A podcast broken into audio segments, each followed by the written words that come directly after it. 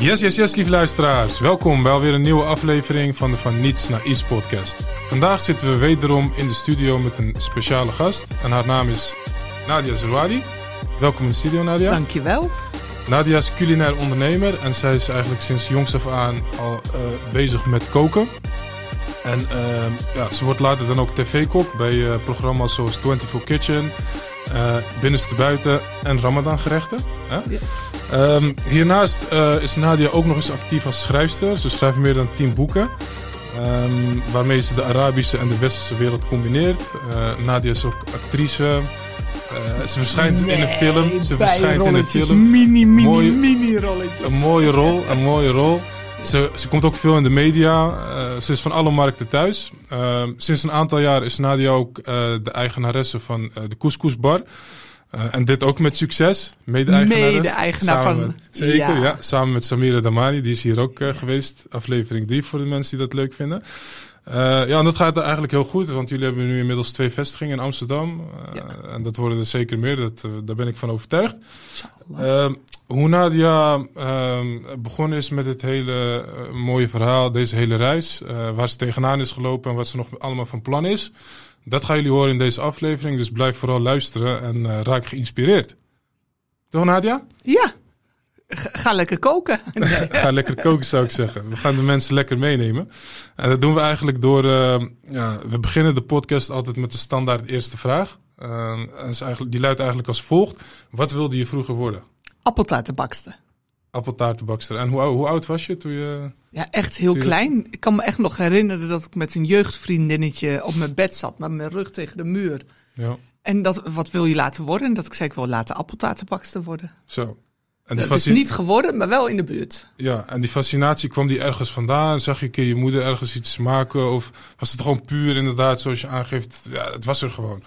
Ja, uh, het was er gewoon, maar ik weet wel dat ik de keuken altijd de leukste plek vond. Mijn moeder was daar altijd met haar vriendinnen druk aan het koken voor iedereen. Ja.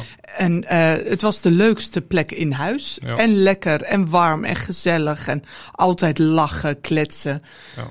Ja, de leukste plek van thuis. En hoe oud was je toen je echt begon met koken? Wanneer begon je echt bewust Een jaar te zijn? of tien, denk ik, mocht ik echt van mijn ouders uh, boodschappen gaan doen en Ja. zelf bepalen wat we gingen koken. Ja, en wat is je favoriete gerecht? Wat kook je het liefst? Uh, nee, wat ik zelf het liefst kook, dat vind ik echt heel ingewikkeld, want ik heb manies. Mhm. Ik kan soms echt hele periode elke dag uh, couscous maken totdat ik het helemaal geperfectioneerd heb, of hummus, Ja. totdat ik het helemaal perfect heb. Uh, maar ik, ik heb wel een lievelingsgerecht. En dat is? Brood. Jij vindt Je zou brood denken couscous, maar nee, ik vind mijn moeders uh, vers gebakken Marokkaanse brood Mhm. echt het allerlekkerste van de wereld. Waarom? Ja, manaraf, ik weet het niet. Uh, Goede gewoon, combinatie is dat. ja, vers brood Ja. van je moeder. Ja. En dan de, de- ja, een beetje boter erop of pindakaas. Gewoon Oeh. ultieme troost. Je kan er eigenlijk alles op, uh, Ja. op kwijt. Ja, De eigenlijk wel. fundering is gewoon heel lekker. Ja, Wat is de alles. Arabische naam voor het Marokkaanse brood waar we het nu over hebben? Gops. Juist. Ja. En dan nog- Ja, agrom. En dan heb je nog specifiek, misschien is dat een beetje te mes zegt, teshnift. Tesnift, ja. Weet je, Agrom Dat is is, voor mij die- wat ik weet van de Emmer Rif, volgens Ja. mij, die zeggen dat. Ja. Ik ben Arabisch-talig, maar Gops. Ja. Is dat dan die, eh, dat stukje brood ook echt in een ste steenoven bereid? Vroeger wel natuurlijk. Ja. Vroeger ging alles in een houtoven of ste steenoven, hoe je het ook noemen wil. Eh, tegenwoordig komt het natuurlijk gewoon meestal uit een gewone oven. Maar het is wel ook echt wat anders dan het brood dat je kan kopen in een winkel. Ik bedoel niet dat soort Marokkaans Ja, brood. ja. Gewoon mijn moeders brood. En ook als ik het zelf bak, is het nog steeds niet hetzelfde. Ja. Nou, kan ik me wel iets bij voorstellen. Dus eh, je hebt een hoop broden op eh, je, in je leven. Ja, alleen helaas nu even eh, vier weken niet. Waarom niet? Ik moet aan een heel streng dieet voor mijn hormonen. Om mijn Oh, hormonen een beetje in bedwang te krijgen. Oké, oké. En lukt het Ja. een beetje? Alhamdulillah, de opvliegers zijn een stuk minder. En eet je helemaal geen brood of alleen Nee, specifiek? nul koolhydraten. Zo, of ja. bijna nul en koolhydraten. dan ja. vervang je die door... Nee, noten, Ja, ik moet gewoon dingen. eiwitten eten en heel veel groenten. leuk. En eh, hoe was je eigenlijk als leerling op school? Weet je dat nog? Eh, gezellig. Ja? Ja, wat ik weet is dat ik altijd te gezellig was in de klas. Mhm. Dus echt al vanaf de kleuterschool moest ik heel vaak op de gang gaan zitten. Maar nooit met boze leraren. Ik ben echt altijd van, van de kleuterschool tot aan mijn hotelschool of marketingcommunicatie.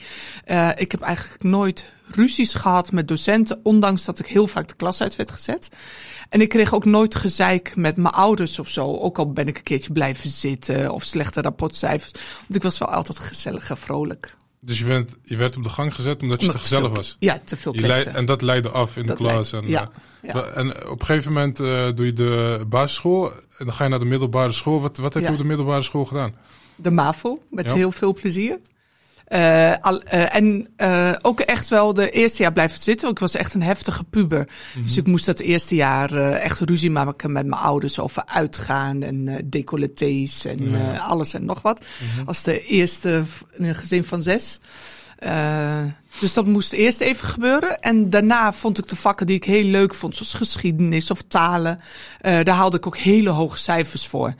Eh, de vakken die ik minder interessant vond, deed ik niet zoveel aan. Ja. Maar dan had ik soms wel weer het geluk dat ik docenten had eh, die echt heel goed waren. En die dan echt zeiden, Zero Ali, je hebt gekozen voor scheikunde, dan ga je het halen ook. Ja. Nou, dat is dan ook gebeurd. En wat, wa- ja, is dat het enige wat die docenten zo goed maakten? Dat ze echt eh, ja, flink maar, een soort van duwtje in de goede richting Ja. gaven? Van kom op, je hebt Ja. ervoor gekozen, dus je moet het doen. Of waren er ook nog andere eigenschappen? De, Nee, er waren ook nog eh, mijn eh, docent Nederlands, meester Peets, meneer Peetsold. Die eh, liet mij bijvoorbeeld Arabische literatuur lezen voor mijn boekenlijst. oh ja. Dus ik zat in die tijd heel erg in de boeken van Fatima Mernissi of Najib Mahfouz of zo. En dat mocht ik dus gewoon lezen. En hij had nog nooit van die auteurs gehoord. Zo. En dan ging hij die boeken lezen. Zei hij, nou ja, dit is meer dan het niveau van MAVO boekenlijst. Dus dan mocht ik die eh, boeken lezen.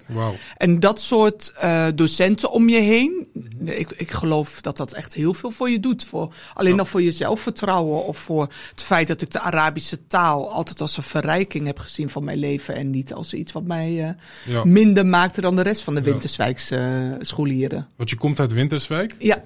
Hoe, hoe was het om daarop te groeien? Ja, ik wil nog steeds terug. Dus zodra mijn zoon het huis uit is, eh, of ik hem het huis uit heb gezet, ga ik lekker eh, eh, naar Winterswijk terug. Want nu kan het nog niet. Nee joh, hij is nog 17. En jullie wonen nu in? Almere. Ah, oké. En de- daar is het allemaal net even wat makkelijker. eh, Qua werk. En, Qua werk ja, hij is en- geboren en getogen, heeft dus een rugby en heeft een school, alles. Dus, Ja. ja. dan is het vervelend om inderdaad helemaal weggetrokken te worden Ja. naar het mooie Winterswijk, maar wel anders voor hem, denk ik. En Ja. ver weg. Hij verstaat ze de helft van de tijd niet. Nee? Nederlands klinkt wat anders. Welk accent? praat eh. Kun je eens eh, ja, die praat, ja, die praat een beetje zo. En hij dat Oh, niet ja. goed verstaat, dan uh, dat wordt het moeilijk, hè? Ja, dan wordt het moeilijk Ja. inderdaad. Dan eh, denkt hij van, waar, ben ik in hemelsnaam beland? Van de polder naar, eh, naar het oosten van het land. Oké, en dan, ehm, ja, je bent dus een gezellig, eh, gezellig, gezellige leraar, of eh, leerling moet ik zeggen. Ja. En je vloeit eigenlijk door die opleiding heen, ondanks dat je een keer blijft zitten. Of, Ja. gezelligheid overwint alles. Ja. Uiteindelijk kom je er. Eh, en dan ga je natuurlijk naar de, naar de hogere school. Hoe, hoe ging het daar? Nou ja, nou, dat ging, de, ik kwam daar niet zomaar. Mijn ouder, ik wilde heel graag naar de hotelschool.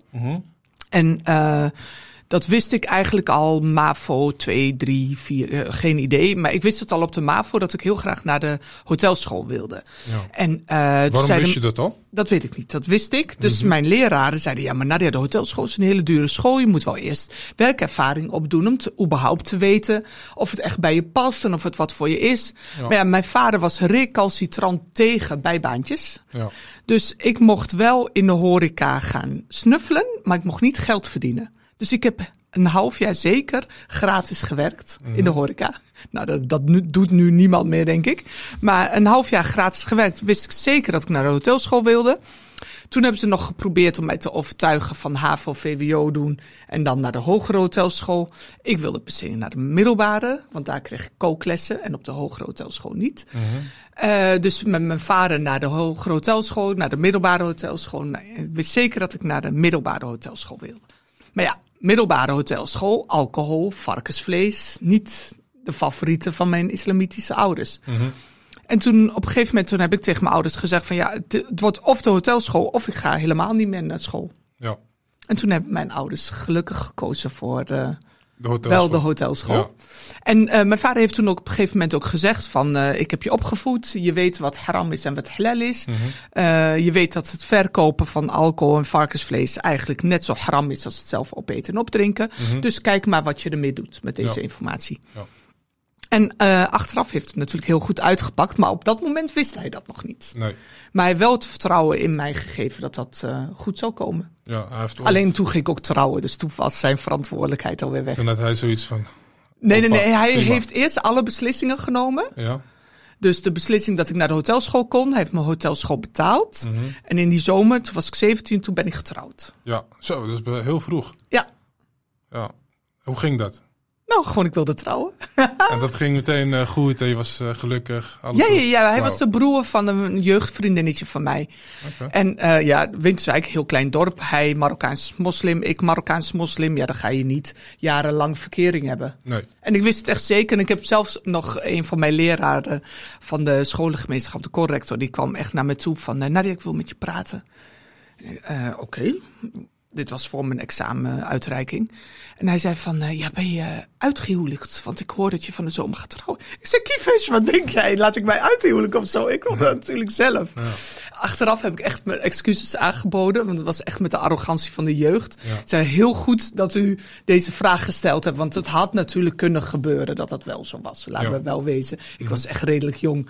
Maar toen de arrogantie van de jeugd. Ik dacht dat het volstrekt normaal was om op je zeventiende te gaan trouwen. nou dan trouw je, je, je, je hebt wat je wil, je, je studeert aan de eh, hotelschool. Hotelschool, fantastische tijd. Mooie tijd gehad daar, Ja, echt briljante tijd. Ik heb ook echt absoluut geen spijt gehad dat ik eerst de middelbare hotelschool heb gedaan en daarna toch nog een HBO-opleiding. Kijk, als ik de hogere hotelschool had gedaan, was ik misschien sneller klaar geweest. Maar die eh, middelbare hotelschooltijd was echt goud. Ja, want eh, is er iets in die middelbare eh, hotelschooltijd geweest? Even buiten de fun om, et cetera. Eh, iets waarvan je zegt van ah, dat heeft uiteindelijk later bijgedragen aan wie ik nu ben, de multifunctionele Nadia. Nou, misschien meer gewoon dat je jezelf heel goed leert kennen. Maar ook dat je weet dat het hard werken is. En iedereen werkte hard. Ja. Ook de, de jonge lui die misschien met een hele dikke Mercedes van hun vader onder de kont naar school kwamen. Want die, die hadden wij ook allemaal op school. Ouders met goed lopende zaken. Eh, maar die werkten ook keihard. Ja. Dus dat was een soort van... Ja, n- normaal. Iedereen werkt heel hard. En tussen dat hele harde werken maak je heel veel feest. Ja, En geniet je lekker van het goede dingen van het leven. ja, kan ik me helemaal voorstellen. Op een gegeven moment eh, ja, ben je bezig met die opleiding. Maar wanneer kom je eigenlijk voor het eerst in aanraking met... eh, ik gaf het in de introductie al aan. Je bent eh, tv-kok eh, geweest en nog steeds bij Ja. verschillende grote tv-programma's. Maar wanneer komt die eerste kans voorbij waarbij je zoiets kan doen? Weet je dat Nee, nog? nee, ja, eigenlijk, ja, ik geloof echt wel dat gewoon alles is hebben. En Zeker, we, ja. hebben, eh, we hebben het niet allemaal in de hand. Maar heel veel dingen kun je zelf sturen. Dus ik geloof wel dat een moekteb, maar wel met ogen open oversteken. En niet als een blinde gek Zeker, dus snelweg oversteken. Dus ik, eh, getrouwd, woonde in Winterswijk met mijn man. Mhm. En ik was in Amsterdam bij mijn schoonzus op visite. En ik zag een bordje uit de Adformatie. Dat is zo'n eh, marketing eh, magazine Ja. uit die tijd. Ik weet niet of het nog bestaat. Staat nog steeds. Ja. absoluut, ja. En ik herkende dat artikel, dat hing buiten. Dus ik ging het lezen. Er stond op culinair reclamebureau. Er zou daar een culinair reclamebureau komen.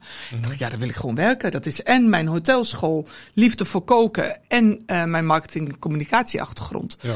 Maar ja, eh, ik heb ze gebeld. Toen zeiden ze, waar woon je? Eh, ik woon in Winterswijk. Dat is twee uur rijden Ja. eh, van Amsterdam. En ja, maar we zijn net begonnen en we hebben nog helemaal geen personeel nodig. Dat kunnen we ook helemaal niet betalen. En toen heb ik mezelf opgedrongen, letterlijk. Ik wil hier komen werken. Ik ben gaan wonen bij mijn schoonzusje in door de weeks. Ik heb een, onder het minimumloon geld verdiend. Terwijl ik met mijn weekendbaantjes verdiende ik meer dan dat maandsalaris. Ja. En dat heb ik wel gedaan, Ja. zeg maar. En daar leer je, ja, of da, daar leer je van, maar daar heb ik ook heel veel geleerd. Dus Ja. het schrijven van kookboeken en ehm voor magazines, gewoon recepturen ontwikkelen. Dat heb ik echt geleerd van José. En dat was toen mijn werkgeefster, Ja. maar dat werd al heel snel een van mijn beste vriendinnen. En ze is nu de peetante van mijn kind en nog Mhm. Kijk. steeds vette familie. Kijk. Ehm, maar eh, daar heb ik dus echt heel veel van geleerd. En dan moet je wel eh, een soort weer treetjes naar beneden doen. Dus niet zeggen, ik ben eh, hotelschool en Ja. ik ben marketing en communicatie. Nee, ik was gewoon eh receptioniste, afwassen, boodschappen doen, koken. Ik deed alles. Ja. En daar heb ik wel alles geleerd. En van daaruit, daar heb ik toen Marijn leren kennen. Met Marijn werd ik gevraagd voor FIFA Magazine. Mhm. Om een receptuur te schrijven elke week en een column te vullen. Dat hebben we gedaan met z'n tweeën. Zijn we samen kookboeken gaan schrijven. Want dat deed ik al commercieel, maar nog niet persoonlijk, persoonlijke titel. Ja. Toen hebben we kookboeken geschreven. Nou, van het een ging het andere kookboeken schrijven. Werden we gevraagd voor 24 Kitchen om een kookprogramma te presenteren. Nou, Ja. gaat balletje rollen. ja, want je geeft aan, je begint eigenlijk in een soort van start-up omgeving. Ja, Waarbij je zelf ook heel veel inlevert. Tegelijkertijd weet je, als ik heel veel inlever, leer ik ook heel veel. Want je wordt Ja. overal bij betrokken en et cetera, et cetera. Je geeft aan, op een gegeven moment kreeg ik met Marijn de eerste kans om, eh, om een eh, recept of column, sorry, wat zei je nou? het was een column. Het was Eh, echt twee pagina's in de? FIFA. Ja. Maar, maar hoe ging dat? Je kreeg die kans, neem ons mee naar de eerste column die Ja, dat, dat werd echt letterlijk gewoon gevraagd. Ik weet niet eens meer Wa- waar. We waren Ja. waarschijnlijk bij een pers-event. En waar ging dat over, iets. die column? Die, die column, dat was in die tijd de FIFA magazine. Had je, daar heb je altijd mensen in hun blootje, wat eten en drinken. En de, de, dat best- ja, de- ik weet niet eens meer echt of het bestaat. Maar het was echt een jonge vrouwen magazine. Mhm. Dus wat wij deden was elke maand of elke week een onderwerp. Mhm. Dus de ene keer was het chocola, en de andere keer was het appeltaart, en de andere keer was het eh, kaas. En dan eh, vertelden we er s- een verhaaltje over. We gaven de recepten bij. Eh, we, gaven wat adressen van waar je de lekkerste dingen kon halen. Een leuk restauranttipje. En had je zo twee pagina's gevuld. Wauw, en hoe, eh, hoe sloeg dat aan? Werkte Ja, het een dat, dat, beetje? eh, dat hebben we echt een paar jaar gedaan. Oké, dus eh, jullie mochten blijven. Ja, dus dat hebben we echt een paar jaar gedaan. En we hebben elkaar natuurlijk leren kennen bij José, waar we die commerciële kookboeken maakten. En dat waren, denk, alle boeken van Konimax over de Indonesische keuken. Ja. En die wisseling naar de brede Aziatische keuken, maar ook voor Chroma en Knor en Campina. En ik weet niet voor welke merken. We hebben echt heel veel boeken gemaakt. Mhm. En toen hadden wij op een gegeven moment zoiets van: ik wilde heel graag eh, naar de Arabische wereld. Om te weten, ik ben. Want in Amsterdam kwam ik erachter dat ik niet zomaar een Marokkaan was, maar een Arabische Marokkaan. Ja. Dat onderscheid kende ik niet. Ik dacht, alle Marokkanen zijn Marokkaan. Alle moslims zijn moslim. Ik wist Ja. niet dat er allemaal onderscheid in werd gemaakt. Ik ben heel relaxed, fijn opgevoed, zeg maar. Zonder trauma's. Mhm. Dus in Amsterdam ging iedereen naar me vragen: ben je Berber of ben je Arabisch? Of... Dus ik was wel benieuwd, wat maakt mij dan Arabisch? Ik kom gewoon uit Noord-Afrika en Marokko. Wat maakt mij Arabisch? Ja. Dus ik wilde heel graag naar de Arabische wereld. En Marijn die had eh, vanuit haar jeugd bij, de, eh, bij haar opa in de tuin een grote cederboom staan uit de Libanon. Mhm. Dus zij wilde heel graag naar Libanon. En toen zijn we lekker samen met mijn... eh toen was Tarek al geboren of nog niet? Toen was Tarek volgens mij heel klein. Ja, eh, toen zijn we samen naar Libanon en eh, Syrië gegaan. Mhm. En toen dachten we, ja, ja we, hier moeten we een boek van maken natuurlijk. Ja. Dus zo. En, en dat, was dat het eerste boek? Want Ja, dat was er, eh, eerste Arabia. Inmiddels heb je een stuk of elf geschreven. Ja, met vertalingen en zo erbij zijn het er volgens mij dertien. En waar ging dat eerste boek dan over? Arabia ging echt letterlijk over de Arabische taal die ons eh, samenbrengt. Mhm. En dan de Arabische invloed, eh, zeg maar in het Midden-Oosten, Noord-Afrika Midden- en eh, Zuid-Europa. Mhm. En vertelden we heel erg wat van de, de crossovers van vroeger. Mhm. Dus met And het Andalusisch tijdperk Ja. of met eh, handelaren eh, langs de zijderoute in eh, Genua in Italië. Maar ook de linken nu. Waarom eten Zuid-Italianen couscous? Nou, omdat ze met Tunesische vissers midden op de Middellandse Zee in aanraking kwamen. Gingen ze elkaars eten eten. Ja. Wauw, dus dan, dat is ook meteen het eerste boek wat je schrijft. Ja. Weer een nieuw avontuur. Je, gaat, je begint met de column, dan het boek. Hoe, hoe heeft het boek het gedaan? Even business-wise. Eh, hebben jullie het Nee, verkocht, nee, heel goed. Het eerste Eh, boek zouden we eigenlijk. eh er was nog best wel een relletje met de kookboeken in het kookboekenland. mhm. Want wij waren de gedoodverfde winnaar voor kookboek van het jaar. En eh, toen werd opeens het Albert Heijn kookboek winnaar van het jaar. Oh, Dus dat was wel heel grappig. Ja. Maar eh, heel goed gedaan. Alhamdulillah, ja, dat boek heeft het gewoon heel goed gedaan. En eh, ja, dan ben je eh, binnen bij een uitgeefhuis, zeg maar. En dan eh, ben je een gevestigde kookboekauteur. ja. En dan mag je meer kookboeken maken en schrijven. ja. En je hebt de smaak te pakken. Je hebt Je hebt- van, ja, ik, ik we ben nu. binnen, we, het wordt, er is vraag naar. Ja, En dat, dat voelt comfortabel, kan ik me voorstellen. ja, en ook als je mij nu vraagt wat. Ik, ik zeg meestal, ik ben culinair ondernemer, omdat ik te veel dingen doe om dat allemaal uit te leggen. Op je Voelt LinkedIn. dan, ja, en dat voelt dan zo snel als groot Ja. praten als je alles achter elkaar gaat noemen. Maar je wil ook niks eh, weglaten. Maar in mijn hart ben ik een kookboekenschrijfster. Dat wil ik zeg maar blijven doen tot aan mijn dood, inshallah. Zo. En ehm daartussendoor doe ik nog wat andere dingen. Ja. Maar Ja. alles heeft wel weer iets anders tot, zijn, tot gevolg. Want die column met, die, met dat kookboek, zeg maar, Arabië, dat was zo'n beetje dezelfde tijd. Mhm. Maar toen hebben we ook heel veel van de mensen ontmoet van wie wij nu de producten verkopen bij de Albert Heijn. Ik- heb samen met Marijn een productlijn bij de Albert Heijn.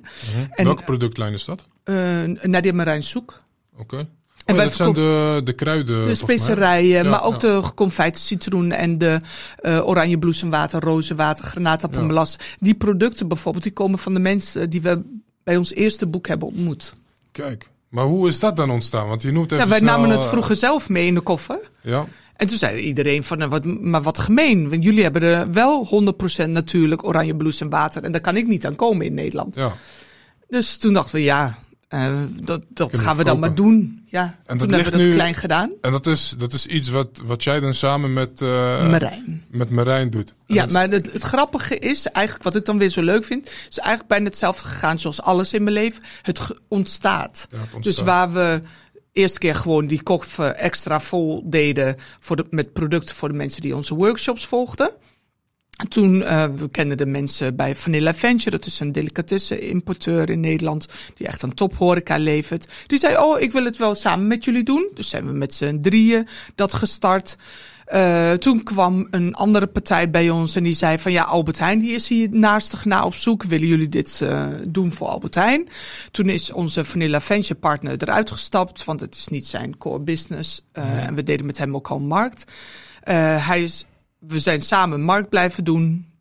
Hij is de horeca-tak gaan doen van Nadia Marijn Soek. En wij zijn Albert Heijn gaan doen. En omdat we dat al deden klein, hadden we iets. Ja. Dus normaliter is dat niet te betalen om een product bij de Albert Heijn te krijgen. Maar omdat wij al een merk hadden, konden wij bijvoorbeeld 50% van ons merk weggeven aan die andere partij. Ja. En die andere partij, Brand M in dit geval, die betalen alles. Ja. Dus ik heb geen geld hoeven te lenen Nee. of geld hoeven te investeren om zo'n Nou, die hele investeringsmaatschappij die regelt het allemaal. Ze Jullie, en zeggen jullie een hebben de naam en investeringsmaatschappij, maar een, s- een ja, samenwerkingspartner. een dan. samenwerkingspartner. Ja, Ja, met geld. leuk. En wij de kennis en de kunde en de producten. Wauw. Ja. En dan kun je, heb je ook iets om een deal mee te sluiten. Want ik zou nooit geld lenen Mhm. om zaken mee te doen. Maar nu heb je iets waar je heel klein in bent begonnen en in hebt geïnvesteerd. En wij hebben nu echt een 50-50 met veto aan onze kant. ja, want inmiddels eh, ben je heel wat jaren verder sinds de oprichting van dat verhaal. Ja, En jullie liggen denk ik bij alle Albert Heijn vestigingen? ja, Wauw. ja. Wat mooi. Ik hoor vooral eh, dat je gewoon bezig bent met hetgeen wat je leuk vindt. En daardoor ontstaan eigenlijk allerlei, Ja. Allerlei kansen, marktkansen, ja. samenwerkingen. Maar je moet wel heel hard werken. Ja. Want ik ben wel echt helft van de tijd, denk ik, zeven dagen per week aan het werk. Ja, nou, maar dat kan ik me voorstellen. Want je bent eigenlijk je bent echt zoveel tegelijkertijd aan het doen. Ja, voor mij is het allemaal heel logisch. hè. Het, ja, Ja, het grijpt allemaal in elkaar. Maar wat ik doe is voor anderen dat ze wel eens denken van... Huh, maar wat doe je dat ook? Doe je dat ook? Ja. Het past voor jou gewoon als één grote mooie puzzel in elkaar. Ja, En ik denk dat dat ook gewoon komt door het, ja, wat ik net zeg. Je doet alleen maar, eh, je, doet, je onderneemt alleen iets wat je leuk vindt. En dat straal je ook uit. ja En zo ontstaat ook een soort van organische, natuurlijke groei. Zonder dat je te veel hoeft te pushen. precies. Maar ook mensen snappen het niet altijd helemaal. Want kijk, zo'n productlijn bij de Albert Heijn... dat zet misschien wel miljoenen om. Maar ik heb er nog nooit wat aan verdiend. Het kost me geld om te investeren in recepten Ja. en bla bla. Eh, een een eh, Voorraad, couscous... Ja, eh, een couscousbar. eh begint, alhamdulillah, g- gaat goed. Maar ik krijg daar geen salaris uit. Want dat salaris gaat eerst naar de mensen die daar elke dag aan het werk zijn. En dat ben ik niet. De aandeelhouder komt later. Ja, snap je? Dus het is ook wel met heel veel dingen zo dat mensen denken: oh, die zal wel helemaal loaded zijn. Eh, nee. Want ik doe heel. Omdat ik specifieke keuzes maak over wat ik wel en niet wil doen. Ik doe bijvoorbeeld echt eigenlijk geen commerciële food gerelateerde dingen. Dus eh, ik moet wel ook geld verdienen. Maar Ja. omdat ik niet wil werken om geld te verdienen, maar ik wil werken om leuke dingen te doen, woon ik in een betaalbaar huis in Almere en ik Ja. krijg geen dikke auto. Wauw. Ja. Dus dan kun je zeggen van, oké, dit zijn mijn prioriteiten, dit vind ik leuk. Wat, Mhm. zijn mijn, eh, wat is mijn morele kompas? Wat zijn mijn eh, principes waar ik niet aan wil tornen? Ja. Nou ja, en, dat zijn, en als je die eenmaal duidelijk hebt, kun je dus ook zaken doen zonder dat je aan je principes hoeft te tornen. Bij ons worden geen eh, producenten in Libanon afgeknepen, alleen maar omdat we bij de Albert Heijn zijn. Ja. Nee, ze worden meer betaald, niet minder. Ja, Eh, eh, eh, wij hoeven geen alcohol te verkopen in een restaurant om geld te verdienen. Je kunt prima zonder dat te doen. Je kunt goede kwaliteit vlees inkopen. ja. Weet je wel, je kunt dus allemaal dingen zeggen van die principes, daar wordt niet aan getornd. Maar ja, Ja. als daar geldschieters in je nek lopen Ja, te hijgen. Of een, ja. of een hele dure hypotheek of wat dan ook. Of een, een, een status die je wil ophouden voor de buitenwereld. Ja, dan gaat dat niet lukken. Ja, ja dan, eh, dan ga je onder druk eh, opereren. Dan moet je bepaalde takken, zoals bijvoorbeeld die productlijn waar je het nu over hebt, hoe dan ook zien, winstgevend zien te krijgen. Ja. Maar als je inderdaad eh, dat niet doet en geen lening afsluit inderdaad, of alleen maar doet wat principieel bij je past, ja, dan ontstaat er natuurlijk een heel, heel, heel relaxed patroontje. Ja, Kan ik me wel voorstellen. ja. Leuk. Ja, eh, relaxed qua mindset. Ja, qua Kijk, mindset. Kijk, blijf mijn lichaam wordt een beetje moe. Ja, nou, maar dat, dat kan ik me voorstellen. Tegelijkertijd doe je veel dingen die gewoon echt heel leuk zijn. Ja, En dat is natuurlijk mooi. Ehm, we hebben een dag gehad over eh, het eerste column. De eerste column die je hebt geschreven. Het boek. Tussen neus en lippen laat je dan ook eh, de, de lijn bij Albert Heijn even vallen. Ehm, maar in welke levensfase zit je dan? Ben je dan net begonnen? Ben je dan net Oh, eh, nee, vijf, ik- zes jaar professioneel bezig? Even voor de beeldvorming van de Ja. luisteraars. Nee, nee, nee. Ik ben wel echt een oude rot in het vak aan het worden, zeg maar. Eh, Mhm. ik ben op mijn 22e, 23e bij UC gaan werken. Oké, ja. En ik ben nu bijna 47. Ja. Mhm. Dus ik ben echt al flinke tijd bezig. En wat ik nu heel erg het gevoel heb, is dat ik heel erg heb gebouwd aan de weg. Dus in Nederland de Arabische keuken op de kaart zetten, die, die Ja. weg. Eh, en dat ik nu bezig ben om te zorgen dat ik niet de enige ben op die weg. Mhm. Dus eerst moest mijn ego daar een beetje aan wennen. Zo Van ja, maar ik heb toch die weg gebouwd. ja.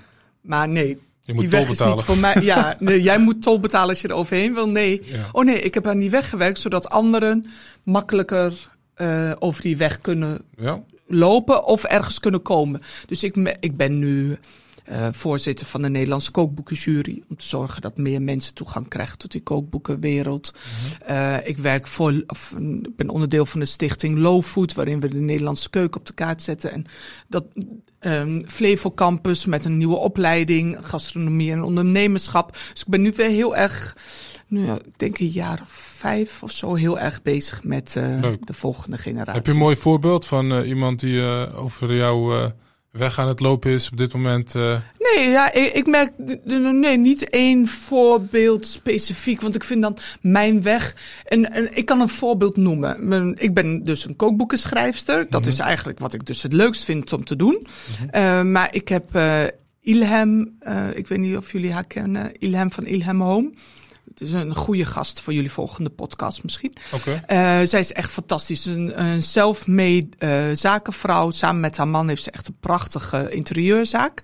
Oké. En eh Ilham is begonnen thuis met Instagram foto's te maken van haar eten. Mhm. Toen bestek erbij, vanuit huis bestek verkopen. Klein winkeltje, groot winkeltje, Ja. grote zaak in Woeren. Mhm. En eh, toen ik haar ontmoette, een van de eerste keren, zei ze dat koken haar lust en haar leven was. En toen zei ik, ja, waarom maak je dan geen kookboek? Ja. Nou ja, en dan, nu ben ik dus met haar bezig voor haar eigen kookboek. Wauw. Over de Marokkaanse keuken, bij mijn uitgeefhuis. Ja. En, dat, dat, en Leuk. dat dat allemaal kan, is omdat eh Ilham super getalenteerd is en heel veel kennis en kunde heeft. Dat is de basis. Dat is de basis, anders wordt het niks. En vervolgens zet ik mijn netwerk in om het voor elkaar te krijgen. Leuk. Ja. En ik ben soms dan ook wel een soort van garantiemiddel. ja. Van, eh, Heel stom, helaas leven we nog zo. ja. Want eh, onze uitgevers zijn gewoon gewend dat iets er op een bepaalde manier uitziet of een bepaalde smaak vertegenwoordigt. Ja. En die smaak ben ik bijvoorbeeld wel, want ik ben gewoon geboren en getogen in Nederland en eh, in die cultuur opgegroeid. Ja. Maar een smaak van een Ilham die in Marokko is geboren, een hele andere achterban heeft, is een hele andere. Ja. En zo'n uitgever die durft het aan omdat Ilham 800.000 volgers op Instagram heeft. Ja. En omdat ik. garantie. Dat is een soort van garantie. En omdat ik een oude rot in het vak ben. Terwijl eigenlijk is het belachelijk. Nee. Want eigenlijk moet gewoon iemand die zo goed kan koken. en zoveel kostbare recepten in haar hoofd heeft. die verdient het recht om die weg naar Ja, de uitgever te kunnen. kans krijgen. Snap je? En dat is waar ik mij. eh, Mooi. Dus je bent eigenlijk ook een soort van coach eh, inmiddels eh, geworden. Ja, misschien op dit vlak. Terwijl ze behoeft geen enkele coaching. Op heel veel andere vlakken niet. Ze is gewoon echt. eh, ik heb weinig vrouwen die. eh, eh, een groot bedrijf kunnen combineren met het uh, opvoeden van vier prachtige kinderen. Ja. En eh mooi huwelijk. Ik bedoel, ik heb één kind en geen man. Dus dat, is, dat maakt het leven een stuk makkelijker, zeg maar, qua navigeren. Ja. Eh, maar eh, zij, Twarkela, die, zij doet dat gewoon allemaal. Maar, Ja. maar binnen ons Nederlandse systeem kunnen we zeggen wat we willen. Maar er lopen mensen met een biculturele achtergrond nog een paar stappen achter. ja. Wij hebben echt wel meer dan alleen maar... ja, we hebben echt dat kistje nodig, weet je wel? Wat ze soms laten zien voor die schutting. ja. Ja. Welk kistje is dat Oh, trouwens? er is zo'n heel mooi plaatje over eh, gelijkheid. Dat Mhm. is allemaal wel leuk en aardig, maar als je zo klein bent en iemand is zo groot en Ja. dat hek is hier, ja. ja. Daar kun je er niet eh, overheen kijken. kun je niet overheen Ja. kijken. Dus eh, als je, als je, wat ik gewoon het verschil zie met bijvoorbeeld toen ik opgroeide of mijn zoon nu. Mijn zoon heeft een netwerk alleen al bij zijn eigen familieleden. Mhm. De ene is wethouder, de ander is arts en de ander heeft een, zaken, een zakelijk imperium onderhand. Dat kent iedereen. Weet je, mijn zoon hoeft maar een paar belletjes te drukken en hij heeft een stage en heeft een baan. En heeft, Ja. Terwijl heel veel jongens van zijn eh, leeftijd, bijvoorbeeld met zijn achtergrond, nou, eh, al zouden ze stage willen lopen bij wie? Ja. Weet je, worden ze niet aangenomen op hun naam. Ja. En ik denk, de- daarvoor heb je dus dat kistje nodig. Mensen die je helpen om even... Ja. moet je het Hopelijk allemaal is, zelf eh, doen? hopelijk is deze podcast ook een kistje. Dat hoop ik dus, ja, dat je weet dat het kan. Of Ja. dat je denkt van, oh, die Nadia, die moet ik dus eh, Ja. een mailtje sturen. Ja. ja. Geer en Charles. Ehm, ja, en je had het net over, inderdaad, je doet gewoon wat je leuk vindt. En uiteraard zonder te veel druk op eh, ja, het financiële plaatje. Maar ja, puntje bij paaltje moet natuurlijk allemaal btw-aangiftes doen en eh, inkomstenbelasting betalen, et cetera. Eh, hoe hoe eh, hou je het allemaal draaiende vanuit commercieel oogpunt? Ben je, ben heb je een beetje commercieel inzicht? Nul. Nee, het is zelfs echt diep triest. Want jaren geleden, ik ben iemand die echt, nou, ik denk dat ik nu ook alweer een half jaar geen factuur heb verstuurd. Hoef je ook niet zelf te doen. Nee, dat kun je slim laten doen, behalve als je een bij. boekhouder of een Ja, boekhoudsysteem. ik heb een hele goede boekhouder. Een boekhoudsysteem moet je zelf iets invoeren. Ja, klopt. Ja. En eh, eh, ik heb niet vaste grote opdrachten of duidelijkheid. Bij mij is het allemaal het is heel wisselend. Dus nee, een paar jaar geleden heeft mijn zusje gezegd, die eigenlijk islamitisch geestelijk verzorger en bewegingswetenschapper is. En moeder van eh, vier kinderen, Twarkela. Eh, die heeft gezegd van, weet je wat, Nadia, geef maar mij, want eh, bij jou gebeurt er niks. Dus die zit achter mij voor de... Alleen ze heeft net een babytje gekregen, dus het is nu al een half jaar niks. Ja. Maar die helpt mij om mijn financiën te doen en opeens had ik geld. Oké. Maar daarvoor had ik ook heel vaak echt geen geld. Ja, maar je bent natuurlijk ook, eh, zoals je net al aangaf, je bent constant aan het investeren in Ja, verschillende ja. projecten. En het ene project heeft gewoon net even wat meer geld nodig dan het andere project. Ja, ik, ik En- zeg altijd, ja. het ene jaar moet ik heel veel belasting betalen. Ja, Omdat ik echt belachelijk veel geld verdien. ja, Omdat ik allemaal dingen doe waarvoor ik heel veel geld verdien. Want als ik werk, krijg ik vaak wel heel veel eh, heel goed betaald. Mhm. Eh, en de andere jaren ben ik een heel tof kookboek aan het maken. En dan hoef ik geen belasting te betalen. ja, want dan ben je eh, aan het Ja. investeren en dan Investeren en uitgeven even. en niks verdienen. Ja. Ja. Story of my life. En wat vind je het leukst van allemaal? Want je gaf net aan, ik ben echt, eh, ja, in, harte, ja, in mijn hart ben ik toch wel echt kookboekschrijfster. Ja. Maar je doet ook heel veel tv-optredens. eh Ja, tv vind ik gewoon leuk om de boodschap over te brengen. En zeg maar, binnenste buiten is echt een programma. Wat is een, dat zijn een soort schoolreisjes. Ik mag naar de mooiste plekken in Nederland. Eh, ik kook eigenlijk altijd plantaardig of vegetarisch. Eh, ik ontmoet de mooiste mensen die echt met hele duurzame initiatieven bezig zijn. Ik zie prachtige kant van Nederland. Dus eh, dat is voor mij echt bijna een soort schoolreisje. Vakantie. Ja, vakantie in eigen land. Ja. Echt fantastisch. En eh, de andere programma's die ik allemaal heb gedaan... waren allemaal een soort van ontdekkingstochten in de Arabische wereld. Of ehm, eh, tijdens de Ramadan de- gewoon al die verschillende Nederlandse moslims ontmoeten... met al hun verschillende soorten eten en gerechten en eetcultuur. Dus ja, televisie is meer bijna... eh, egoïstisch of zo. Ik vind het echt vooral heel leuk. Ja. En je bereikt er wel veel mensen mee. Dus Ja. je kunt wel heel veel mensen die gerechten laten zien. Terwijl boeken is wel echt wat elitairder, zeg maar. Ja. Het komt wat bij, bij wat minder mensen terecht. ja, het is wat platter natuurlijk. Je moet er echt eh, voor gaan zitten. en je echt moet gaan 35 lezen. euro of 30 euro uitgeven. Ja, precies. En op tv verschijnt het. En we zijn natuurlijk ook visueel ingesteld. Hè? Dus Ja. je leest... ja, maar boeken doen het ook nog steeds goed hoor. En kookboeken verkopen ook gewoon. Ja. Mooi. Ja. Eh, digitale kookboeken, doe je daar ook al iets mee? Of eh, is dat helemaal niks? Ja, ik ben gewoon echt, ja, wat ik zeg, ik ben bijna 50. ik hou van boeken en papier en die geur en dat bladeren. Maar buiten dat om denk ik dat het in de keuken ook gewoon niet handig is om met de telefoon vieze handen... ja, dus sommigen zeggen het is niet handig met een kookboek, want die wordt vies. En, Ja, en ik vind het het mooiste wat er is, vieze kookboeken. Ja. ja, kan ik me iets bij voorstellen. Eh, we hebben altijd in het midden van, eh, van de podcast hebben we altijd eh, een snelle rubriek die we, beha- Ja. die we behandelen. En dan gaan we straks weer verder met het mooie verhaal en waar je naartoe wil en wat je nog meer allemaal gedaan hebt. De snelle rubriek bestaat uit een aantal vragen waar je kort antwoord op mag geven. Drie vragen om precies te zijn. En dan probeer ik één van die drie vragen straks uit te lichten. Oké, Dus als je er klaar voor bent, dan Ja, gaan we beginnen. Hier komt de eerste vraag. In eh, welk ander land zou je graag eh, iets willen ondernemen? Marokko. Maar daar doe je nu nog niks? Daar heb je Nee. nooit wat gedaan? Oké. Ehm, met welke ondernemer zou je graag een kop koffie willen drinken? Mm, Hoeft niet per se een ondernemer te zijn. ja. Nee, ja, die hangt een heel, beetje eh, samen met vraag 1.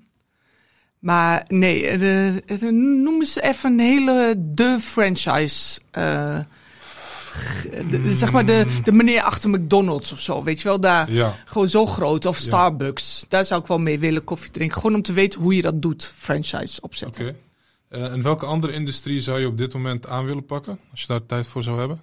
De, ja, de- ik zit er al in, maar de voedseltransitie. Gewoon de hele keten rondom Ja. ons eten en drinken. Maar daar Van- ben ik al onderdeel van eigenlijk. En, en die transitie, eh, dat is denk ik van Naar duurzamer duurzaam, eten. vegan, Ja. bio. Ja. Ja. En w- Ja. Hoe, hoe, hoe zit je er op dit moment in? Wat, wat, Nou ja, wat ik eet eigenlijk zelf eh, vooral plantaardig. Eet je vlees ook? Of, eh, Nou ja, eh, dus eigenlijk alleen maar eh, met leed als mijn vader zelf een schaap slacht. voor de rest alleen plantaardig? Ja, eigenlijk vooral plantaardig, maar ik ben niet rigide. En net als nu met die gekke hormonen van mij eet ik weer wat meer vlees, omdat ik geen pulvruchten mag. Mhm. Dus ik ben niet een rigide vegan of hardcore, maar ik vind wel dat halal bio, bio-industrievlees bestaat niet. En eh, eh, heel veel dingen, de manier waarop wij eten en drinken, eh, ook als moslims, kan eigenlijk niet. Niet? Nee. Maar alleen als moslims of als Nee, als mens mensen? al niet. Maar ik vind als je moslim bent en je zegt dat je goed wil zijn voor, de, voor jezelf, voor de mensen en de natuur. Mhm. En wij hebben gewoon regels waaraan halal eten moet voldoen. Mhm. En da- daar voldoen je nooit aan als je bio-industrievlees eet. En dat bio, kan niet. wat is bio-industrievlees? Slachthuisvlees. Ja, dat gaat eigenlijk Dat nooit niet. zoals het zou, is moeten gaan, bij wijze van. Nee, dat is gewoon niet halal per definitie niet. Ja. Dat is zeg maar zoals sommige Joodse mensen eh, varkensvlees wit vlees noemen. Want dan noem je het niet varkensvlees en dan kun je het eten. Mm. Weet je, dat is wat wij doen met Als schuilnaam. Maar het is Ja. in principe hetzelfde gewoon. Ja, als, als jij gewoon bij de slager, islamitische slager om de hoek vlees koopt, is het eigenlijk nooit halal. Kan eigenlijk niet. Ja, ja, En behalve dat wat mijn ouders zeggen, ja, dan, eh, dan is het de verantwoordelijkheid van de slager. ja. Want de slager verkoopt het mij als halal vlees. Dus ik heb mijn taak gedaan.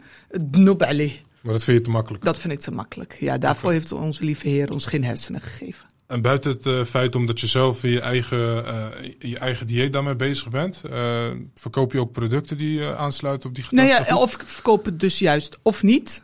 Dus zeg maar, eh, al mijn laatste boeken, maar ook eh binnenste buiten en zo, doe ik eigenlijk nooit met vlees.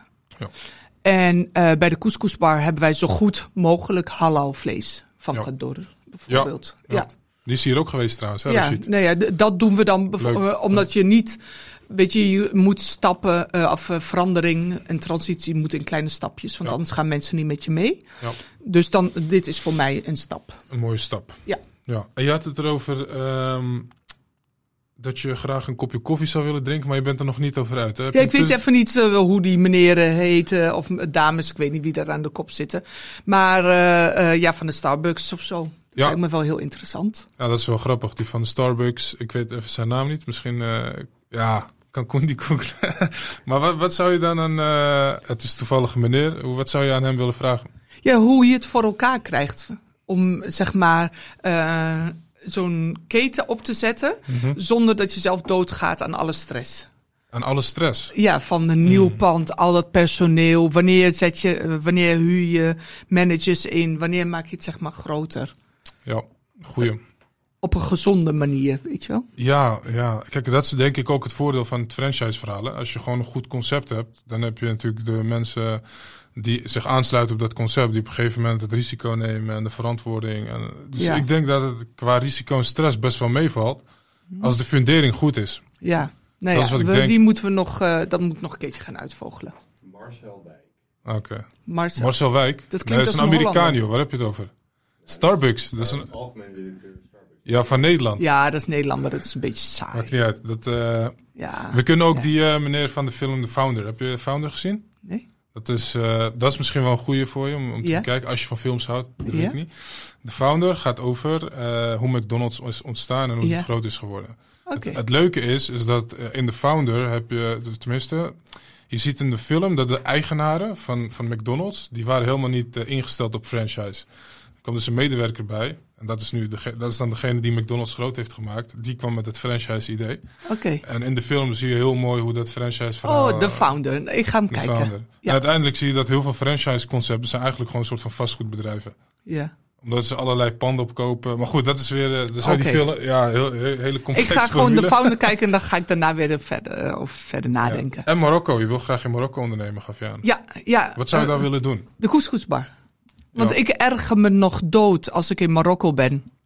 Dat je alleen maar op vrijdag couscous kan eten.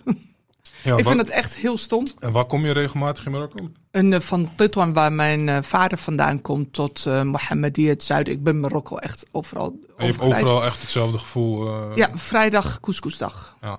Klaar. En echt zo'n concept waarbij mensen op elk gewenst moment kunnen afhalen. Dat, Couscous kunnen dat eten, nee, dat is nog er niet, niet. Dus je eet of op vrijdag couscous in alle restaurants. Dus dan hebben bijna alle eh, restaurants, maakt niet uit, ook al zijn ze Aziatisch, hebben ze op vrijdag couscous. Ja. Maar als jij bijvoorbeeld van maandag tot en met donderdag in Marokko bent, eet je geen couscous. Ja. Als je per ongeluk op vrijdag aan zee bent of iets en je bent vergeten om couscous te gaan eten, kun je de hele week geen couscous eten. Ja. Mensen die op vrijdag gewoon moeten werken, wat je nu steeds vaker ziet, Mhm. die kunnen nergens meer couscous eten. Eh, heel veel mensen zijn eh, gewoon met z'n tweetjes en niet meer met een hele gezin. Eh, ook wonen niet meer bij hun familie, eten niet meer elke vrijdag of zaterdag die couscous met z'n Ja. allen. Ja. Ja, ik vind het nog steeds een gemiste kans. En ook als ik gewoon zie bij ons in Amsterdam welke mensen bij ons couscous komen eten, denk ik, ja, je moet dat gewoon doen. Helemaal in Marokko, Ja. gewoon Marrakesh, Casa. En wat, Ja. wat eh, weerhoudt jullie ervan om... Ik heb geen tijd. Samira, geen tijd. We hebben allebei geen ja, tijd. jullie zijn natuurlijk super druk met Ja. eh, de twee Ja, je, moet, het echt, je moet Ja. het echt gewoon regelen, gaan doen. Want eh Dari is onze couscous-leverancier. Ja. Die heeft er echt wel oren naar. Maar eh, ja, we moeten het gewoon gaan doen. Zij zijn aan het Die hebben eh, het netwerk ook, denk ik. Want dat is een Frans Ja. bedrijf volgens mij. Nee, nee, nee, Dari is een super Marokkaans. Oh, Ja, gewoon Marokkaans familiebedrijf. Super dacht lieve eh, mensen. Marokkaans-Frans. Nee, nee, nee. Echt een heel leuk, eh super lieve familie. Gewoon Oh. echt een, eh, een man met zijn zonen. Ah, dan hebben ze het netwerk helemaal in, eh, in Marokko. Ja, ze zijn echt, eh, nee, en het zijn ook echt super lieve mensen. Alleen, eh, ook zij zijn nu aan het struggelen met zorgen dat er graan eh, geleverd wordt om überhaupt hun couscous, couscous te ma kunnen maken en al dat transport ja, ellende. ja, ja, dat is Dus, allemaal eh, ja. Alles wordt duurder, tekorten overal. Ja, Er verandert, ook aan een hoop, couscous. er verandert een hoop in deze wereld. Ja. Ehm, ja, ik, ik, ik, ik bedacht me net van, ik heb misschien nog wel een vraag. Een vraag die de, de, de luisteraars eh, misschien beantwoord eh, willen horen. Zien worden. Ehm, ja, je, je hoort heel veel, hè? Veel verschillende projecten waar je mee bezig bent. Veel enthousi- enthousiasme erin. Ehm, maar ik denk dat het ook wel leuk is om te weten, eh, wanneer kwam nou het omslagpunt? Dat je zoiets had van, oké, wauw, waar ik nu mee bezig ben, dit werkt echt en dit is leuk en hier kan ik ook geld mee verdienen en een bestaan mee opbouwen. Wanneer kwam dat ongeveer? Geen idee, als ik heel eerlijk ben. Eh, eh, gewoon echt vanaf het begin dat ik werkte, heb ik altijd met veel plezier gedaan. Het enige wat echt een omslagpunt was bij mij nadat mijn man is overleden. Mhm. Eh, wij waren al, ja, Abdelhakim yarhamou, wij waren al, denk ik, 14 jaar samen of zo. Toen hadden we net een kindje gekregen en toen is mijn man overleden. Mhm. En toen was ik dus in loondienst bij die José. Dat was mijn enige loondienstbaan. En eh José heeft denk ik iets van anderhalf jaar, twee jaar mijn salaris uitbetaald terwijl ik niet kon werken. Ja. Dus ik was echt helemaal. Mhm. aan het bijkomen van alles. En eh, ja, dat vond ik echt niet te slikken. Dus toen had ik zoiets, nee, ik ga voor mezelf beginnen. Ja. En dat was zeg maar het enige moment dat ik echt zelf het gevoel heb dat ik dat heel radicaal zelf heb ingegrepen. Ja. Dus van eh, eh, in loondienst zijn naar voor mezelf beginnen. Dat was echt een stap. Maar de rest is allemaal een beetje. ja, go with the flow. Ja, enthousiasme, organische groei. Dus dat, Ja. dat, dat moment inderdaad, waarbij je dus echt uit dienst ging bij UC, dat was eigenlijk het van niets naar iets moment. ja. Waar, je echt bent gaan ondernemen. Ja, en toen had ik echt zoiets van: oké, ik ben in loondienst. Iemand betaalt al anderhalf jaar mijn salaris terwijl ik niet kan werken. Dit voelt niet prettig, voelt niet oké. dit wil ik niet. Mhm. Oké, ik wil zelfstandiger worden, maar ik heb een baby. En ik kom net uit de rouw. Hoe gaan we dat doen? Oh nee, Hakim heeft mij eh, eh, een pensioen achtergelaten van, nou wat was het, 400 euro in de maand of zo. Dus dacht ik, oh daar kan ik mijn huur mee, of mijn hypotheek mee betalen. Eh, als ik daar mijn hypotheek mee kan betalen, hoef ik nog maar een heel klein beetje geld te verdienen en dan kan ik leven. Ja, je hebt niet veel Ja. nodig. Nee. Dus En zo, eh, zo is het gestart en uiteindelijk... ja, en dat was het enige punt waar ik echt, echt over heb moeten nadenken. De rest is allemaal. Go the flow. Ja. ja.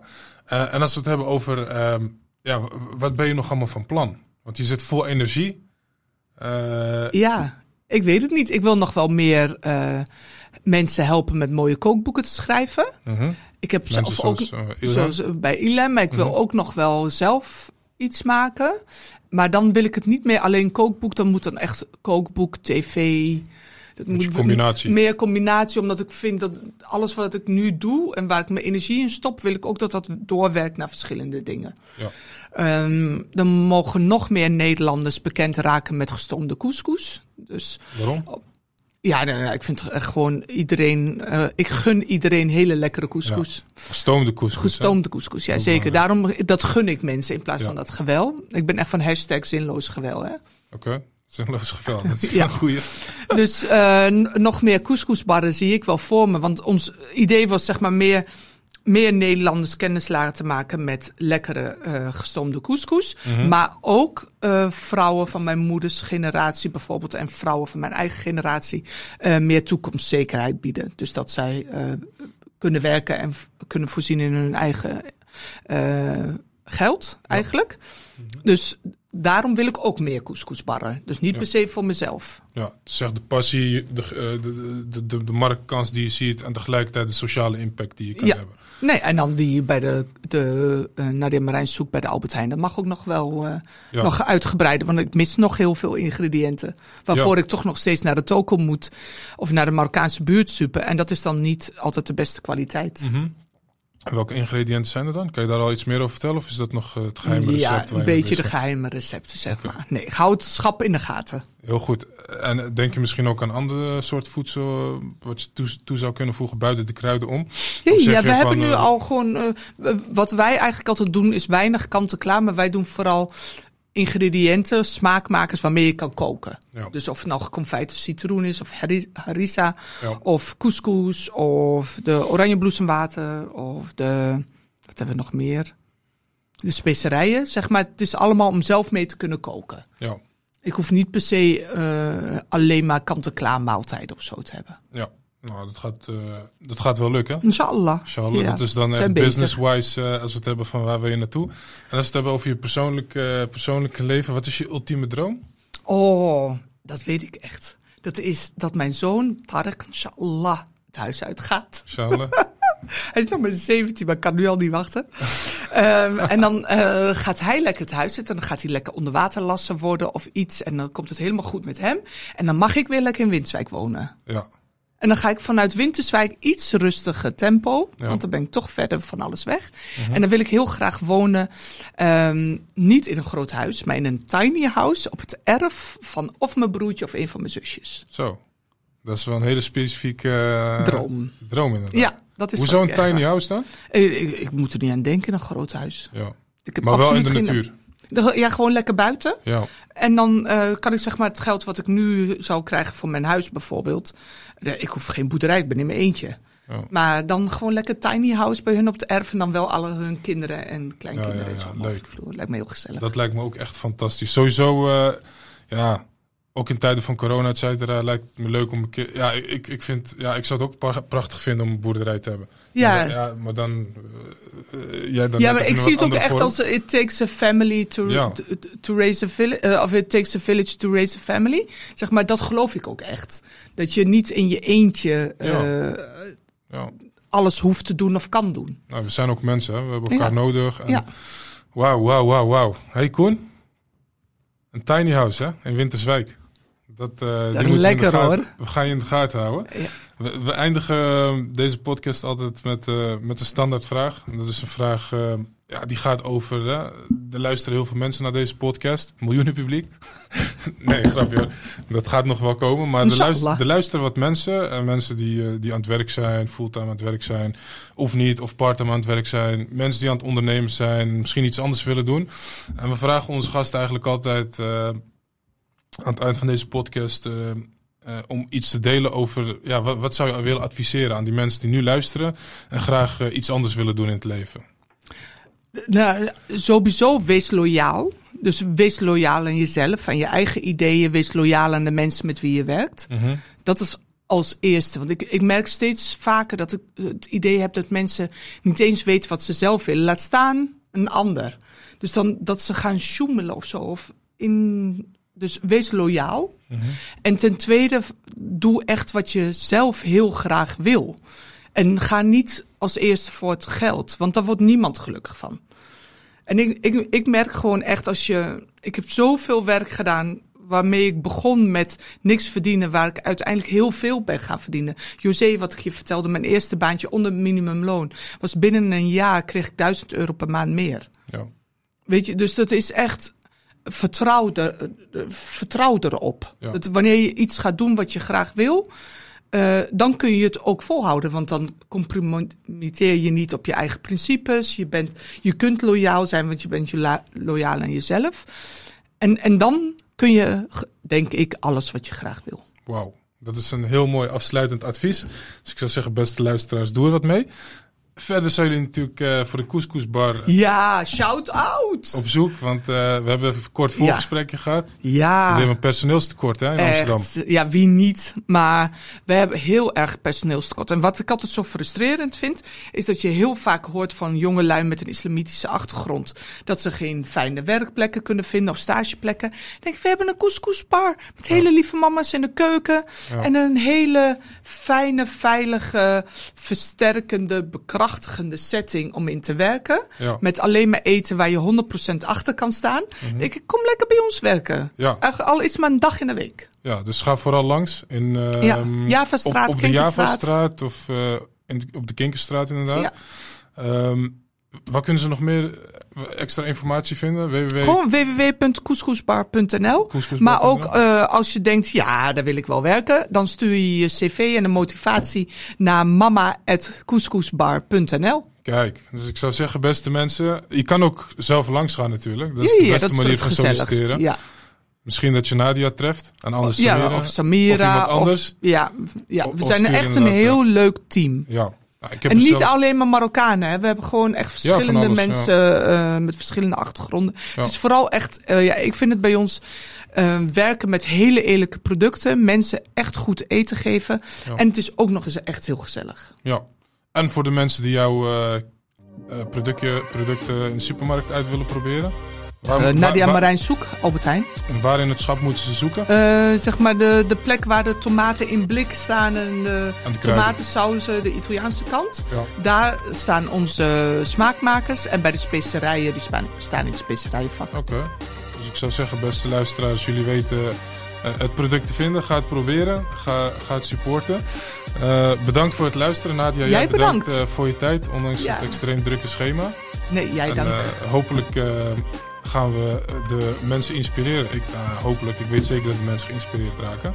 Dus dankjewel voor je tijd en beste luisteraars, tot de volgende keer.